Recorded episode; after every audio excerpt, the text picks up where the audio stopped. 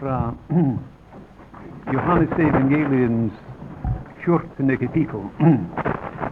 Det 14. kapittel i Johannes evangelium. Og fra det første vers. Johannes 14, 1. Eders hjerte forferdes ikke. I tror på Gud, tro også på meg. I min Faders hus är det många rum. Var det icke så, då hade jag sagt eder det. ty jag går bort för att bereda eder sted. Och när jag går bort och har berett eder sted, kommer jag igen och vill ta eder till mig, för att också I kan vara, skall vara där var jag är och hvorhen jag går, dit vet I vägen. Thomas säger till han, Herre, vi vet icke hvorhen du går. Vårledes skulle vi då vite vägen. Jesus säger till han, jag är vägen och sannheten och livet. Ingen kommer till Fadern utan vid mig. Hade I känt mig, då hade I också känt Fadern. Och från nu av känner De ham och har sett ham. Filip säger till ham, Herre, vis oss Fadern, och det oss nog. Jesus säger till ham, så lång en tid har jag varit hos eder, och du känner mig icke, Filip. Den som har sett mig har sett Fadern. Vårledes kan du da se visas, Fadern. Tror du ikke jeg er i Faderen, og Faderen i meg? De ord jeg sier til eder, taler jeg ikke av meg selv.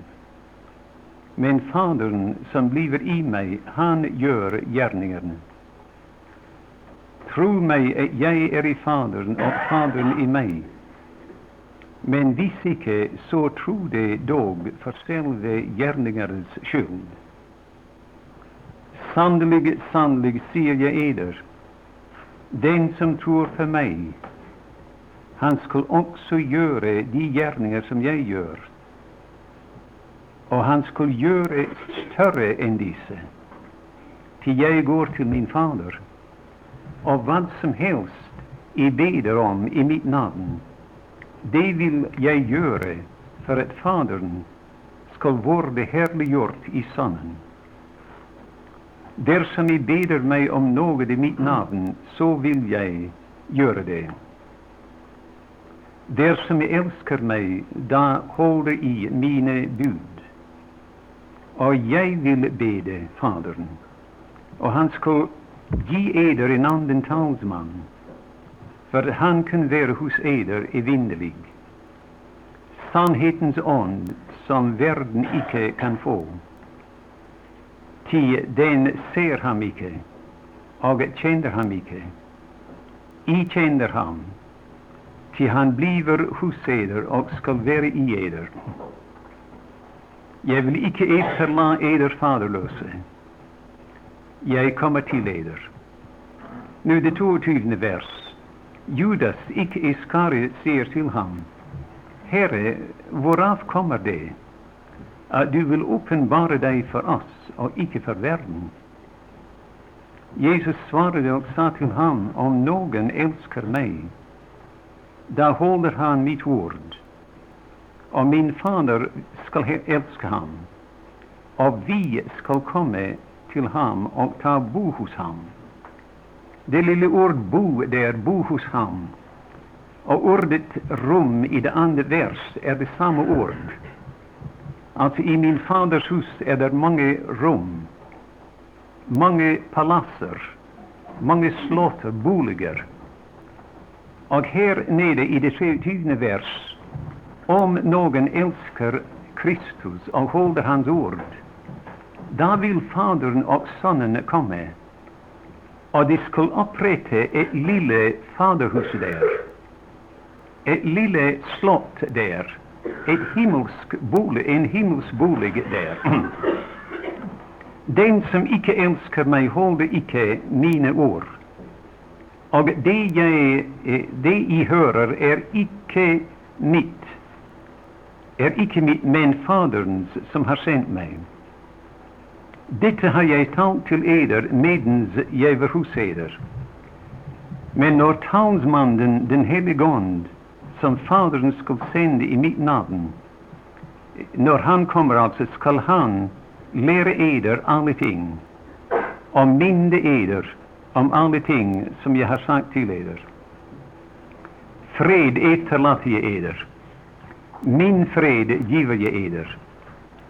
Ikke som verden giver, giver jeg eder. Eders hjerte forferdes ikke og reddes ikke. Nu jeg tror at alle er eniga med meg når jeg sier at det er kanskje ikke et annet kapittel i Det nye testamentet så full av trøst for det troende hjerter som Johannes 14. Men når vi husker på, mine venner, hvem det var som talte disse vidunderlige himmelska ord i det kapitlet, att det var han, den samma personen, som sa i Isaias e i halv tress att den Herre, Herre har givit mig lærtets för att jag jeg vida och kväga den mödige med ett ord. När vi tänker vem det var som talade dessa tröstens ord här, som har varit en tröst för en tröst för det heliga, i dessa snart 2000 år, då förstår vi att han alene kunde tala dem. Jag glömmer aldrig då jag var i, i Norge, alltså under krigen. och det sista år, krigens sista år, eller det första fredens år, rättare. Det var en av mina bästa vänner där, och en av våra närmaste nabor. En mycket känd troende man. Och han och hans unge svåger reste ut för att få lite fisk en lille juldag. Eh, och, eh, och de kom aldrig tillbaka igen. Bägge två var troende, och på vägen in, da just som det var någon meter från land, då kom där en väldig bölge och tog båten, kastade dessa två kära emot klipporna och det blev båda igen, döda bägge två. Jag gick ner till dette sorgens hus för att pröva och trösta, särskilt den unge enke som satt tilbake. Men när jag kom där och såg den unge kvinnan sitta där, sorgen var altfor stor för tårar. Hon såg stivt ut i rummet, eh, simpelthen och icke tagit ett eneste ord. Och som jag stod där, då kom det vers som jag nu citerade för mig, att den Herre, Herre har givit mig lärtestunge, för att jag ska vid och kvege den mödige med ett ord. Men jag tänkte i mitt hjärta, jag har icke den lärtestunge. Den eneste ting jag kan göra här är att gräda med det gredende och att sörja med det sörjande. Men det var han som talte dessa ord här, och det är därför det är till tröst för, och har varit till tröst, för miljoner av troende sedan den tiden. Och när vi tänker på omständigheterna under vilken han talte dessa ord, blir kapitlet ända mer dyrbar för våra hjärtan. I det trettonde kapitlet och det trettonde och fjortonde kapitlet är egentligen ett eneste kapitel och borde icke delas. Och i begynnelsen av det trettonde kapitlet säger han till dem eh, jag har älskat eder hela tiden och vill älska er eder till änden. Men I har icke älskat mig. I skall alle sammen i nödens tid förlata mig och svikta mig. Och Judas Iskariot skall eh, eh, sälja mig, han skall förråda mig. Och du, Peter, jag kan icke stole på dig. Ty du ska förnekta mig tre gånger att du icke känner mig. Men han fortsätter och säger, av vem andet, mina vänner, än Gud älskade son kunde göra det? Han fortsätter och säger till dem, eders hjärta, forferdes icke. I tror på Gud, tro också på mig. Att när du tänker nu på mig när jag är frånvarande, i har trott alltid på Gud, Gud som du icke har sett. Nu, eh, tro nu på mig när du icke ser mig. Och I skall tänka på mig som sittande där på min Faders trone vid min Faders högra hand, och I känner mig och min kärlighet, min visdom och min omsorg för eder. Alla, mina, alla eders hjelpekilder har varit i mig här nere, och alla eders hjelpekilder skall vara i mig där uppe, och I skall ha en genstam på himmelens trone som vi aldrig förr har haft. Ett gudomligt människa skall sitta där, och det blir mig. Din präst, eders präst och eders talsman och eders store hyrde skall vara där. Så I tror på Gud som ni icke har sett. Tro nu på mig när ni icke ser mig.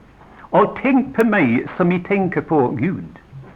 Alltså, det är en fortsättelse av det trettonde kapitlet. Och som jag sa, ingen annan än Guds älskade Son, kunde tala dessa tröstens ord, alltså underliga omständigheter. Vi kan tänka på det kapitlet på två olika måter. Alltså, hela kapitlet, det jeg leste, altså det første 27 vers, är allt samman Kristi svar på de tre spörsmål som de tre apostlar rätte till honom. Eh, Thomas han spurte angående vägen och Jesus sa jag är vägen. Filip spurte angående Fadern och gärna ville se fadern. Han sa 'Den som ser mig, har sett fadern. Och Judas, icke Iskariot, han spurte hurdan kan du uppenbara dig för oss, och icke världen ser det'? Og vi kan gjerne takke Gud, mine venner, for disse tre spørsmål som de tre disipler spurte. Ty den ene var angående Faderen, og den andre angående Sønnen, og den tredje angående den velsignede Hellige Ånd. Altså Jesus sa, da han spurte om veien, han sa 'Jeg er veien'. Og ingen kommer til Faderen uten ved meg. Och jag hoppas vi ska se, mina vänner, i dag eh, himmelens gläder är icke bara i framtiden. Vi är så, eh, allesammans av oss är så tillbörliga till att se in i framtiden och att se, vi skall vara glada när den dagen kommer. Och vi skall ha glädje och frid oss när vi träder in genom himmelens pärleportar. Men himmelens gleder, mine venner, er ikke bare i fremtiden. Jeg er veien, sier han, og sannheten og livet. Og ingen kommer til Faderen uten ved meg. Så vi kan komme til Faderen i den nærværende tid. Og da sa han de, disse vidunderlige ord, ord, mine venner, som burde bringe oss alle sammen til å stanse, til å bøye våre kne, at den som har sett meg, har sett Faderen. Og da sier de, Judas ikke Iskari spurte det spørsmål i den delen av kapitlet som taler om Den hellige ånds gjerning i oss. Og han forteller i uh, Judas at den mann eller den troende som elsker meg, og han holder mine eller mitt ord, da skal min Fader komme, og jeg skal komme. Og vi skal opprette en liten bolig som ligner den bolig I er på veien til. En liten bolig i eders hjärta och vi skulle bo där. Och det blir himmelen på vägen till himmelen. Nu, det är den ena måte som man kan tänka på det kapitlet på. Den andra måten är att nu skulle den Herre Jesus förlata dem och gå till himmelen. Och han skulle överbevisa dem om, medan han var borta, att de icke var etterlatt faderlösa. Han skulle överbevisa eh, dem om att det blir sådan tröst genom livet för dem att de ska kunna gå igenom denna ökenvärlden här nere, full av tröst dag efter dag, intill han uppfyller det löfte som han giver i det, i det andra vers, eller tredje vers, att jag ska komma igen och ska ta eder till mig. Och det är därför i det kapittel finner vi kanske åtta, sju eller åtta forskjellige grunder varför våra hjärtan icke skall förfärdas. Sju Syv eller åtta grunder till tröst i det kapittel. Den första av dem är alltså, efter han har fäst deras ögon på den nye genstand där vid Faderns högra hand, den första tröst han giver dem. Och jag tänker ofta när jag läser det här kapitlet för mig själv, och jag, jag grundar på det, tidigare det som jag grundar mycket, mycket ofta på. Och jag tänker, du och jag hade vi talat till uh, som han talte till sina discipler. Du och jag ville icke ha begynt med där han begynte. Du och jag ville ha begynt där han avslutade antagligen. Och vi ville ha begynt med att tala till våra vänner om att när jag är borta, då blir det många sorger, många prövelser. Och dere må vara på, I må vara på vakt och ge dem en del advarsler. Men han begynner icke där, till Guds tankar är icke våra tankar och Guds vägar är icke våra vägar. Han begynner, mina vänner med den fjärran framtid. Han förtäller dem i det tre, andra och tredje vers. Han säger, när jag går bort, då bereder jag ett sted för eder. Och det sted är berett för varenda en av oss som är här idag. Var och en har sitt eget sted där. Och han säger, när jag blir borta, och, och jag ska bereda det sted, och eders framtid ska vara säkert eder och ingen kan förändra den härliga framtid som I er på vägen till.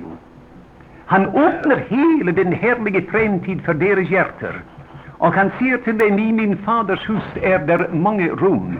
Och var det icke så, då hade jag sagt till det. Så för mina vänner, förrän han forlater den, och för en eneste sorg, en eneste förföljelse, en eneste tåre kommer över den. Før de begynner sin ørkenvandring her nede i denne verden, i ensomhet her, til han blir da borte ifra dem. Ah, han forsikrer dem om at det hjem er ferdig for eder. Eders fremtid er ordnet. Og det fins verken djevel eller menneske som kan forandre det. Og ingen annen kan innta den plassen som er beredt for deg. Min kjære venn, om ikke du var der, plassen ville simpelthen være tom. Platsen är beredd för dig, och ingen annan kan inta den platsen undantagen du. Du husker i det första kapitlet i, i, i detta evangelium, Herren sa till dem den gången, Han sa att jag kom till världen, och det var lika som han minte dem om det här i det kapitlet. Han säger, jag kom till världen, och världen kände mig icke. Och jag kom till mina egna, folk, mina egna, men de, de ville inte ta emot mig. Verden lukket hver eneste port imot meg. Og mine egne lukket alle dører imot meg. Verden ville ikke ha meg. De gjorde sitt aller verste. Men, sier han, da verden lukket hver dør imot meg, da har min Fader åpnet sin verden. Og i min Faders hus, der er det rom. Det er rom for meg der. Og skjønt det ikke er egen plass for eder i denne verden, det er plass for eder der i min Faders verden. Så det, den världen och det gem där jag har varit evinnerlig, jag har varit där til evige tider av, och jag är välkänd där, i min Faders hus. och där skall jag gå och bereda eder ett sted. Och det sted är sikret eder eh, till, till evig tid. Så av dessa eh, grunder till tröst.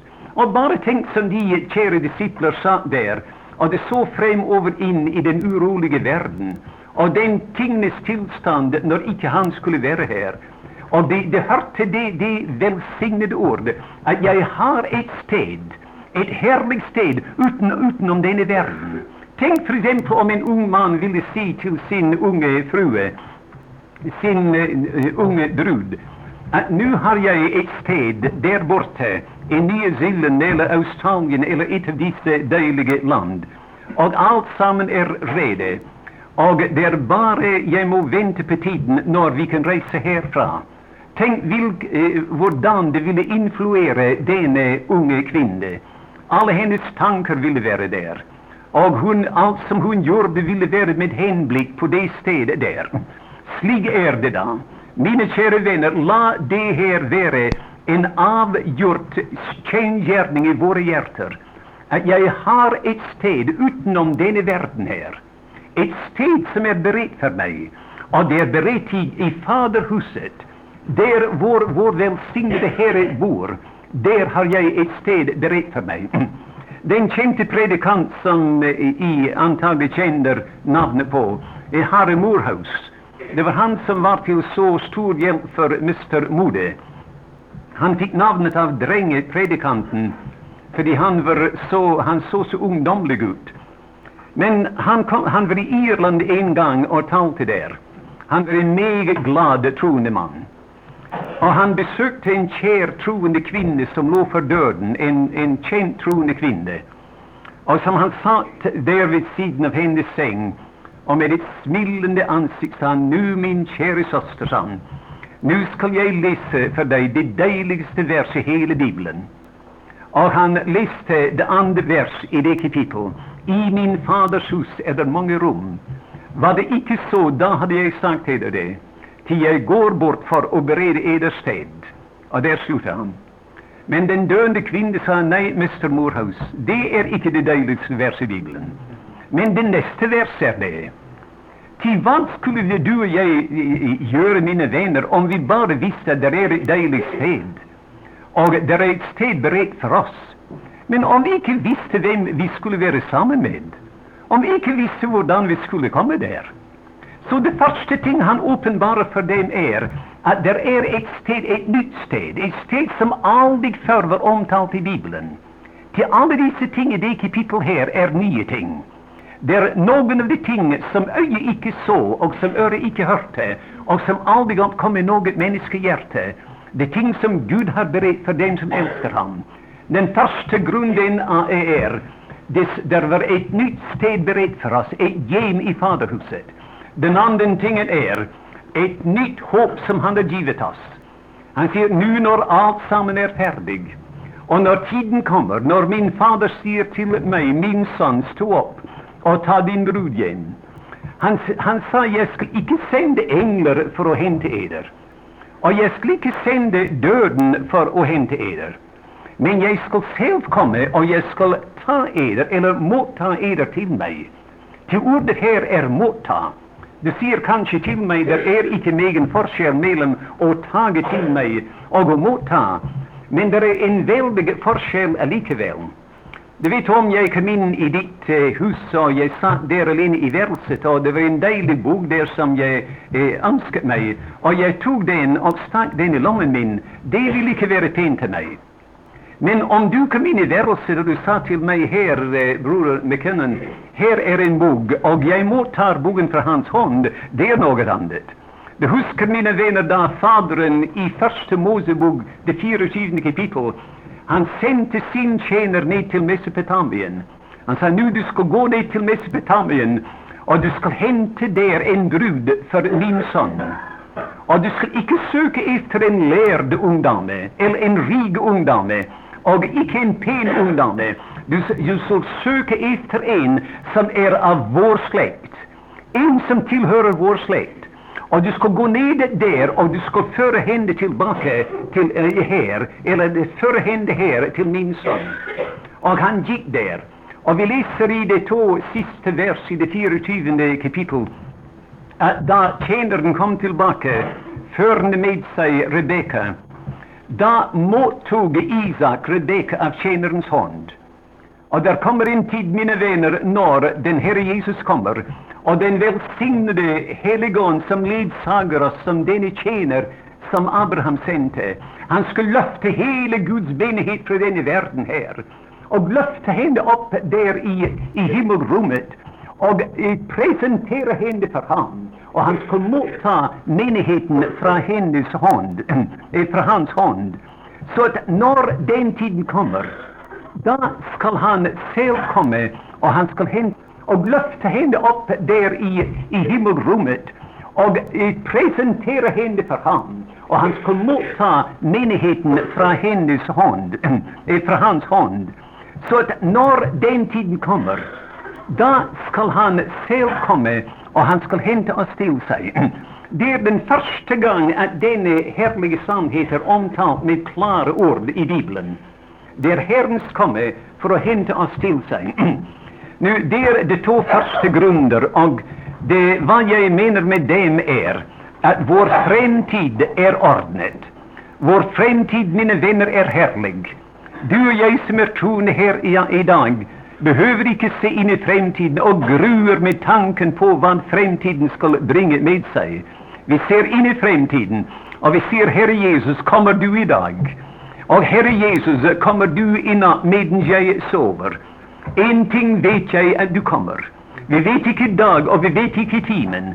Det, det, eneste vi vet är at vår frelse er nærmere oss i dag enn noensinne før. Nu, den, den tredje ting som han gav dem till trots var Han säger medens dere väntar på den härliga framtid, medens I väntar på att träda in i Faderhuset, in till det sted som tillhör eder, då säger han, om en tiden vill det kanske føles lång, om kanske I ville längta där nere i den undervärlden, då du behöver icke eh, savna dessa gläder.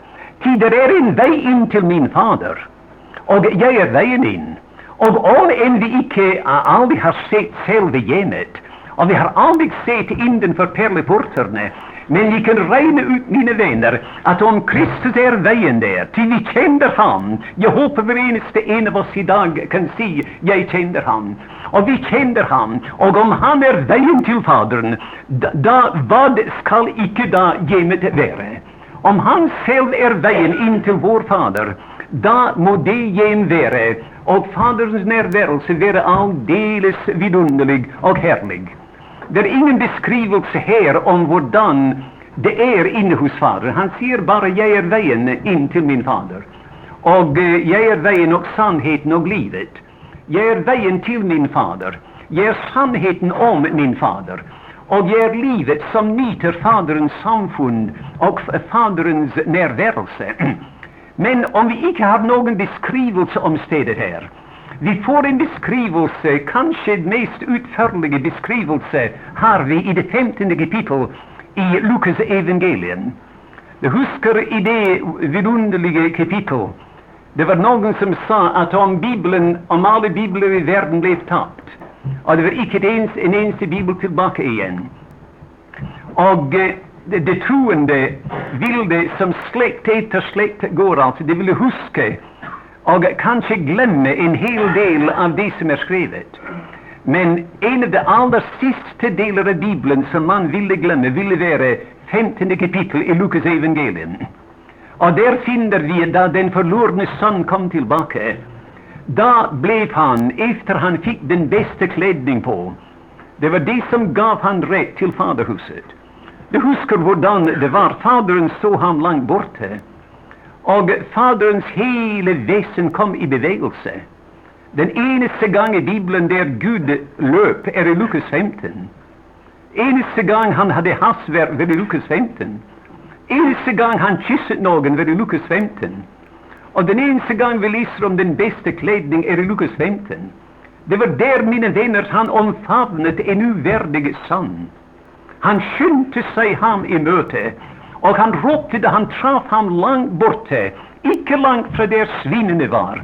Och han ropade där, bring hit den bästa klädning och ha den på ham. Och så snart han fick den bästa klädning på ham, var han innanför huset. Skönt han var långt borta då klädningen blev förd till ham. Men så snart som han fick den bästa klädning på, då var han ögonblickligen in i huset. Och om du och jag hade sett den hade kommit in där eh, uventet in i det værelset. och vi hade spurt men vad är, vem är det som har eh, förorsakat all den glädje och sång och dans och jubel här i detta hus? Da ja, eh, eh, man ville ha sagt det var denne förlorade son, var sitter han? Han sitter där så nära till Fadern som han bara kan komma. Men käre dig, han ser lika pen ut och penare ut än någon av de andra. Slig är det, mina vänner. Det är vad vi nyter alltså i Faderhuset. Det är Faderns glädje som, jub, eh, som han jublar och gläder sig över dessa tillbakavändande eh, förlorade söner och döttrar. Vi har adgang då till Honom i den närvarande tid. Det är det allra heligaste. Det är det allerheligstes gläder. Nåväl, säger Herren till disciplerna, medens I väntar da på att det hovet skall uppfyllas, att jag skall komma och ta eder till mig, da medens I väntar och medens I längtar där nere, da hus på du mig icke försumma och bruka vägen, och jag er vägen in till min Fader. och du kan komma direkt in till Honom och tala med Honom. Och vi är så nær, mina vänner, så ganska nær till Gud, att när nära ej tänkas kan. Ty nu är vi ute i Hans son, vi är så nær som Han. Det är vår plats då, i den närvarande tid. Det är en ny väg, som aldrig förr var nämnd. Men nu kommer det en av de første, de mest vidunderliga uppenbarelser som det är, kanske i hela Bibeln, från Första Mosebok och till uppenbaringen. Han sier til kjære Philip, da Philip sa til ham, Herre, og vis oss Faderen, vi ønsker å se Faderen, og det blir oss nok. Og da ser han forbauset på denne Philip. Han sier Philip, sa han, som han så på ham, har jeg vært så lang tid hos eder, og du kjenner meg ikke. At der satt, mine venner, en mann, en sorgens mann. Och han satt med elva discipler omkring sig, som satt där i tårar och gred där bittert där i hans nærværelse. De sörjde över att vår Herre skulle gå ifrån oss. Och han var en man, förkastad av alla. Eiet ingenting i denna världen. Eiet icke icke så mycket som en kronas pengar, så vid vi vet. Og han satt der, korsets skygge falt over den, og særlig over ham. Og som han sitter der, sier han til Philip, den som har sett meg, jeg, den, den fattige i denne verden, den forkastede i denne verden, den som har sett meg, har sett Faderen. Den som har sett meg grede over det levende, eh, eh grede med det levende over det døde. Den som har sett mig ta barn i mina armar, små barn, och välsigna dem, det har sett Fadern. Den som har sett mig tala där och säga, 'Kom till mig, alla I som strävar och har det tungt, och jag skal ge eder vila, det har sett Fadern. Jag är Fadern uppenbarad här, icke bara en uppenbarelse av Gud. Det har varit många uppenbarelser av Gud i gamla tider, men jag är Gud uppenbar i kjød. Jag är Faderen åpenbare. Den som har sett meg, har sett Faderen. Og ikke mange, kanskje ja, minutter, iallfall ikke mange timer etterpå, stod han med sine øyne opprettet mot himmelen, og han sier, Fader, alt mitt er ditt, og ditt er mitt. Tenk om for eksempel om Moses hadde sagt det, om Samuel eller Daniel eller noen av profetene hadde sagt det. Det vill ha varit eh, bespottelse. Men här står denne ydmige, saktmodige, förkastade, sorgens man, smärtans man här i denne världen. Och han, som han ser upp till himlen, han ser 'Min Fader, allt mitt är ditt, och ditt är mitt'. Och vet ni mina vänner att då han, i, då han lite senare, då han kom i Getsemane, och han låg där i Getsemane låt mig se först i parentes Ah, att det är, som vi allesammans vet, det är psalmer som vi kallar för korsets psalmer. Det talar om Kristus på korset. Det är psalmer slik som den 22. Det är psalmer som talar om hans liv här nere, slik som den 16. psalmen. Det är psalmer som talar om det heliga riket, slik som den eh, 45. psalmen. Men det också også Getsemane-psalmer. Og i den, den hundre og anden salme er en Getsemane-salme. Og når han ligger der i Getsemane, sier han, min Fader, min Gud, ta meg ikke bort mitt av mine dager. Vet du hva Guds svar til ham var?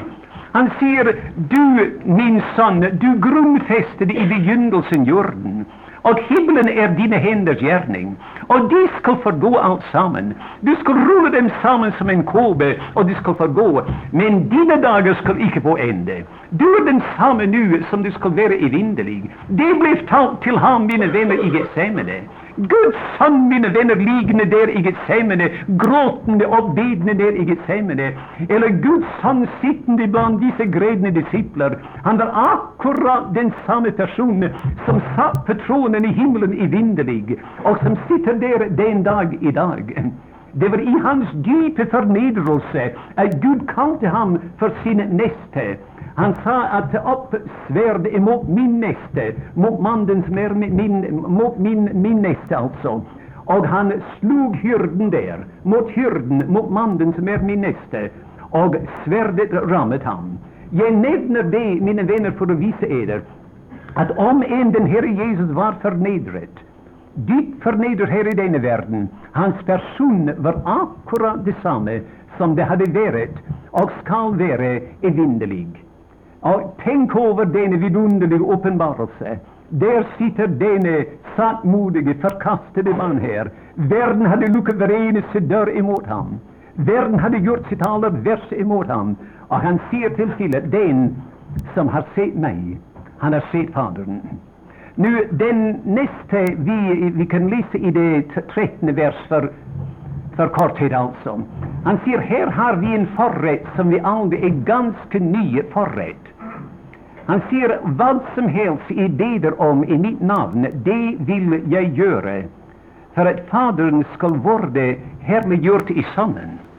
Men om vi läser det vers som det må läses i förbindelse med det föregående vers, till det föregående vers är alltid en stor vansklighet för de troende. I det föregående vers står det sannolikt, sannolikt ser jag eder. Den som tror på mig, han ska också göra de gärningar jag gör. Och han ska göra större än dessa. Varför? Fordi jag går till Fadern. Han ska göra de gärningar jag gör här nere. Och de apostlarna gjorde dem, de uppreste döde. De öppnade blindes ögon. De helbredde syke. De gjorde de gärningar han gjorde. Men nu gick han till himlen. Och då han kom till himlen sände han ned den välsignade helige Ande. Och då skulle de göra större gärningar än dessa.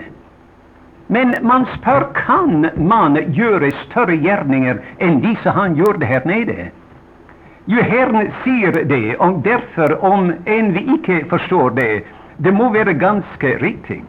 Men jag ska säga det, mina vänner, om det var en här idag som var oomvänd, det var en här idag som var andligt talat död, och du var död i överträdelser och synder. Och vi kom till eder idag och talade med eder om Herren. Och du trodde på den Herre Jesus och du fick liv i honom. Och från döden i överträdelsers grav. Och från din andliga död och levde. Det vill vara en större gärning än om man kunde gå till kyrkogården och ha prisa en av dem som ligger där. Till den man eller kvinna som ligger där i kyrkogården eller som är död, om vi kunde uppresa honom från de döda, nåväl, om någon få år i det längsta, då ville han gå den vägen igen. Men de som har fått andligt liv och har pris från deras eh, grav i överträdelser och synder, de skall aldrig dö evinnerligt. De skall leva, mina vänner, till de har fått det livet som han har fått. De har fått det eviga liv. Den, mina vänner, som kan leda en till att få andlig syn, så han kan se där, och nu ser jag det, jag ser det, jag ser han, jag ser det jag aldrig förr har sett.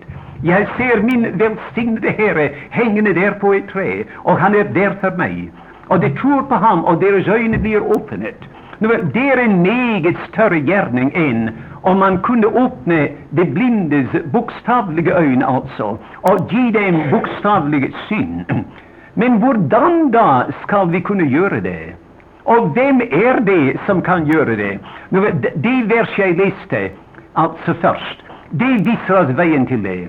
Han säger att vägen till att kunna göra det är att vad som helst I beder om i mitt namn, det vill jag göra för att Fadern ska bli härliggjort i Sonen. Så att den Gud hjälper dig och mig i dessa dagar, när bön, mina vänner, är mycket, mycket församt. När och träng oss in i hans närvarelse och beder till honom. Det är icke många som känner till ett sådant liv. Vi beder alltså, det, det gör vi. Och jag hoppas allesammans av oss beder. Men åh, hvor många av oss, mina vänner, hur många liknar Martin Luther för exempel. Da Martin Luther bad två timmar var dag. Och en, en dag ville han stå upp och säga, dag har jag förfärligt mycket att göra. dag må jag beda tre timmar. Du och jag ville ha sagt, i dag har jag så förfärligt mycket att göra. Jag kan bara beda en timme dag. Men han, ju mer han hade att göra, desto mer bad han. Gå igenom Lukas evangelium och vi ska finna att åtta gånger överfinner vi Guds älskade sannbedende. Han var bönens man såväl som smärternas man. När vi läser breven vill man tro att Paulus låg stadigt på sina knä. När vi läser apostelns gärningar vill vi tro att han stadigt predikat. Men i breven han är stadig på sina knä.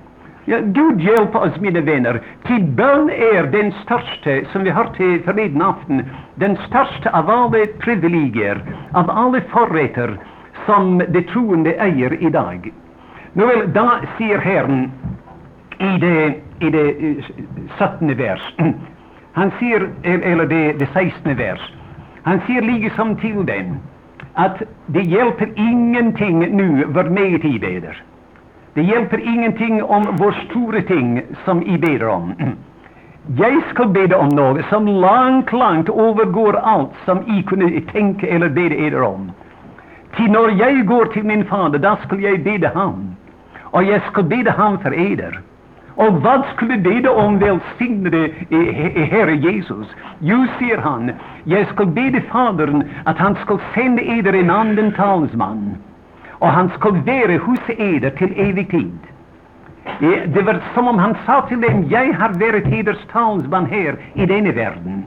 Och en talsman, jag vet ju om alla här i afton förstår, alltså betydningen, kanske de unga tron icke förstår det, eh, betydningen av en talsman. Vi plejer att tänka att en talsman betyder simpelthen en som går i förbön för oss. Och det är sant, det är en del av hans gärning. Men en talsman är en förmyndare, en som har hela ansvaret för den han är talsman för. Då Jesus var här nere i denna världen, han var deras förmyndare.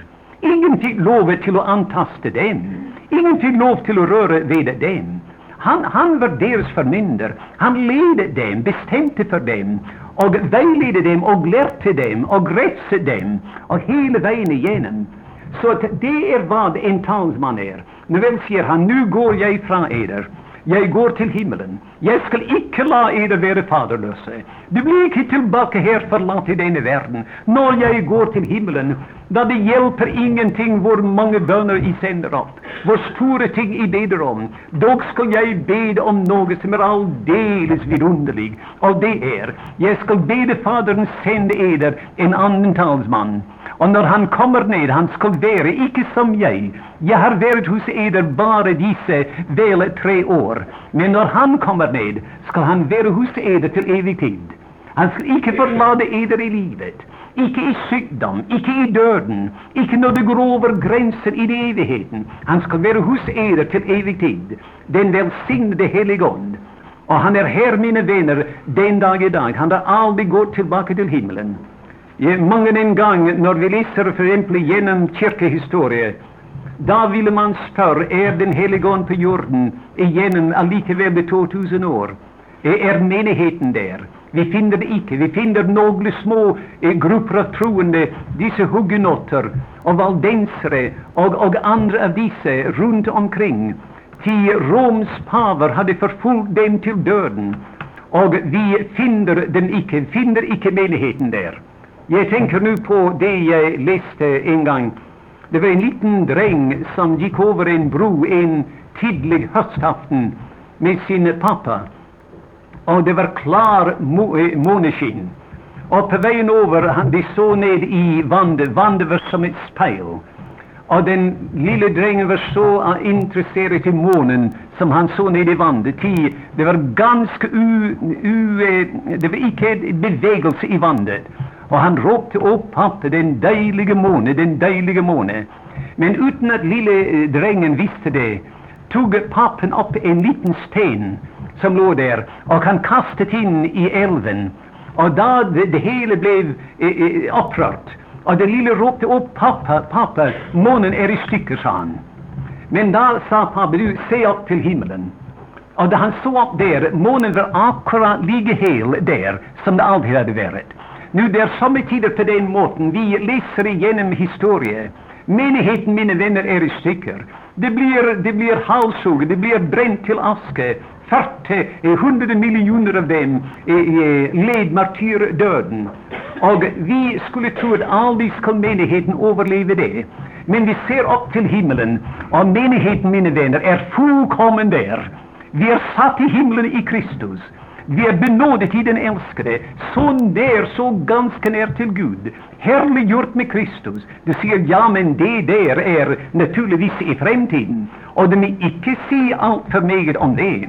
Men mine venner, vi leser i det åttende kapitlet i Romerbrevet. Vi leser der at den, i det 28. vers, den som han forutkjente, dem har han forutbestemt til å være likadan med hans sønns bilde. Och dem som han forutbestemte, dem, dem har han kallat.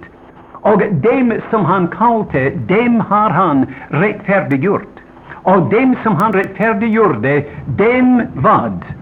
Om jag citerade det vers, jag citerade det för en tid sedan i Norge, och jag citerade det fel alltså. Jag sa dem som han rättfärdiggjorde, dem skall han härliggöra. Men en eller två bröder som sa där de sa nej, det är icke det. Och det är icke det, mina vänner. Allt samman är skrivet i fortiden. Dem som han rättfärdiggjorde, dem har han härliggjort. Månen är hel där uppe i himlen och icke i stycken som det är här nere i denna världen. Nu, det, Tiden är förbi. Låt mig bara nämna en del, en liten tanke angående det 27. vers. Vi har sett, mina vänner, dessa grunder till eh, till tröst som vi har, som vi går igenom världen, grunder till och att vi eh, alltså det visar på att vi icke skall vara faderlösa här. Först är vår framtid ordnad, ett nytt gem, ett nytt sted. Sedan är vägen dit ordnad, till där ett nytt hopp, han skall komma och hämta oss. Och då, medan vi väntar här, har vi denne stora uppmuntran och tröst att medan vi väntar har vi adgang in till vår Fader, och Kristus är vägen där. Och sedan den nästa tingen är den mest vidunderliga uppenbarelse som vi har i hela Bibeln. en ydmyk, förnedrad, förkastad, eh, lidande, sörjande man som sitter där. Och han säger lika väl att jag som sitter här, som är ingenting i denna världen, den som har sett mig har sett Fadern. Den som har hört mig tala har hört Fadern. Mina ord är Faderns ord, mina gärningar är Faderns gärningar. Varenda ting hos mig är Faderns. Den som har sett mig har sett Fadern. Och sedan har vi den största av alla de privilegier eh, här.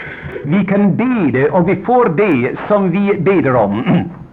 Och vi kan göra dessa vidunderliga gärningar, större än det blev gjort då han var på jorden här.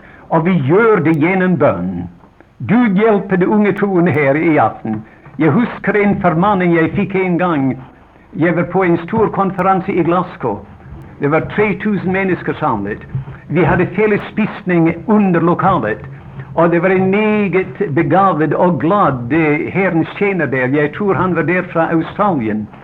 Och en del av oss unga satt eh, på ett ställe för oss själva.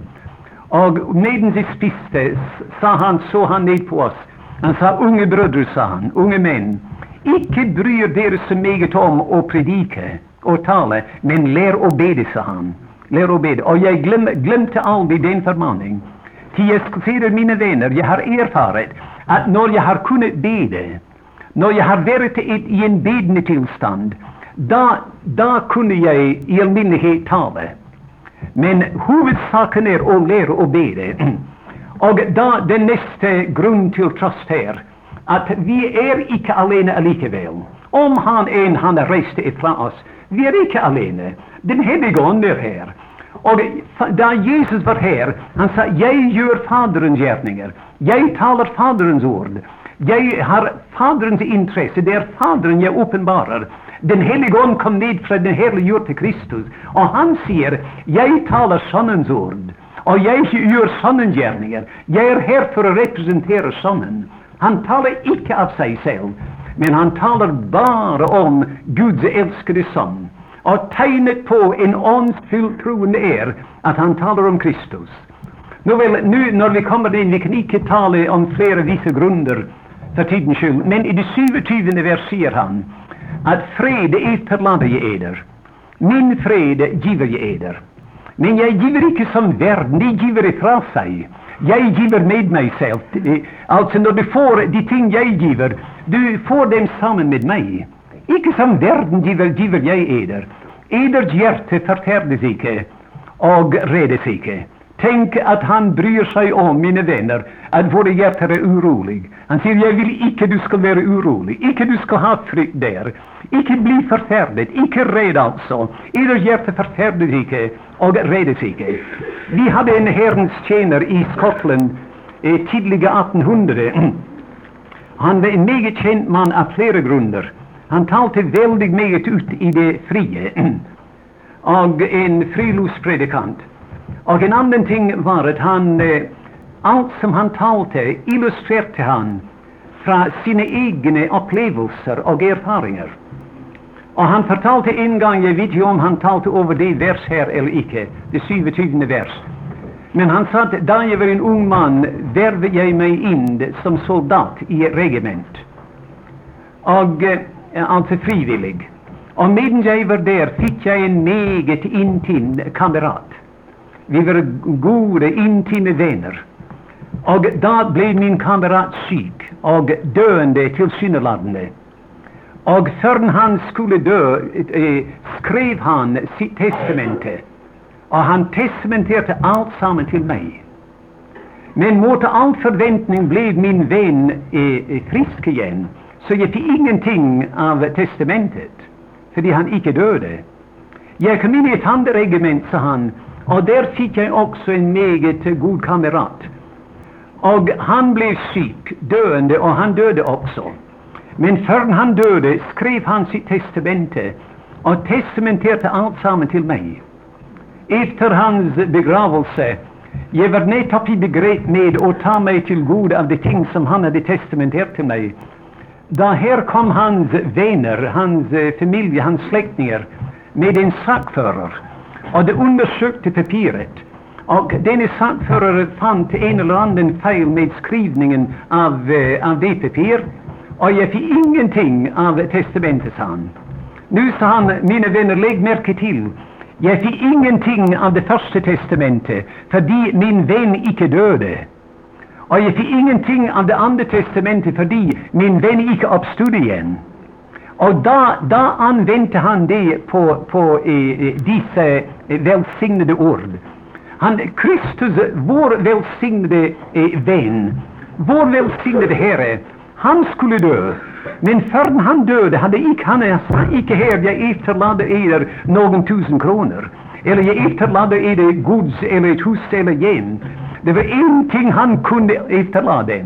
Och det var han hade gått igenom denna världen här, oberört av världen. Hans fred var all, all, alltid som en eld. Hans fred var oförstörd. Läs igenom, fru f.eks. det elfte kapitlet i Matteus evangelium. Den första delen är full av de ting som vill ha nedstämt både dig och mig. I Kapernaum och Betsaida och Kurasin och dessa andra städer där han hade gjort sina mäktiga gärningar, de vände ryggen till honom och de förkastade han. Vad gjorde han, mina vänner? Blev han alltså alldeles motfallen och sa nu det kan vara nog, nej. Men han löfte sina ögon till himmelen, och ganska stille sa han, jag prisar dig, Fader, himmelens och jordens Herre, at du har gjemt disse fra det kloka og forstandige, og har åpenbart dem for umyndige. Det var denne fred, altså. En fred, uforstyrret fred, han hadde hele veien igjennom. Også i Getsemane, også på Golgata. Freden var uforstyrret. Nå sier han til dem, det er alt jeg kan etterlate er. Ikke penger, ikke gods, ikke eiendom, men fred etterlater jeg eder. Min fred giver jeg eder. Ikke som verden giver, giver jeg eder. Eders hjerte forferdes ikke og reddes ikke. Og da han hadde gjort det, da gikk han til Golgata og undertegnet det med sitt blod. Og da han hadde gjort det, mine venner, da gikk han inn i graven. Och han var gravens ødelegger, dödens pest, dödens ødelegger. Han fick seger över död och över grav och uppstod igen. Och han gick till himmelen. För vad? För att förvalta den, den eh, eh, pakt, eller det testamente som han hade undertecknat, och förvalta dessa ting han hade skänkt oss. Så att han sitter nu i himmelen och alla dessa ting som han talte där och det han testamenterat oss. Han sitter där och han förvaltar dem idag. Och han giver, han sänder med fred i våra hjärtan när vi är oroliga, sänder glädje ned när vi är trist och nedstämd. Han lever bara, mina vänner, för oss. Han trådde in i himlen denna gången, icke för sin egen skuld, men för vår skuld. Han hade varit i himlen evinnerlig för sin egen skuld, men nu gick han till himlen för vår skuld. Och han sitter där vid Faderns högra hand. Det, mina vänner, är vår frälsare. Och vi har alla dessa grunder till och vara glada och bli tröstet i denna trösteslösa världen. Gud hjälp oss då till att dricka dessa sannheter in och leva i dem och njuta dem.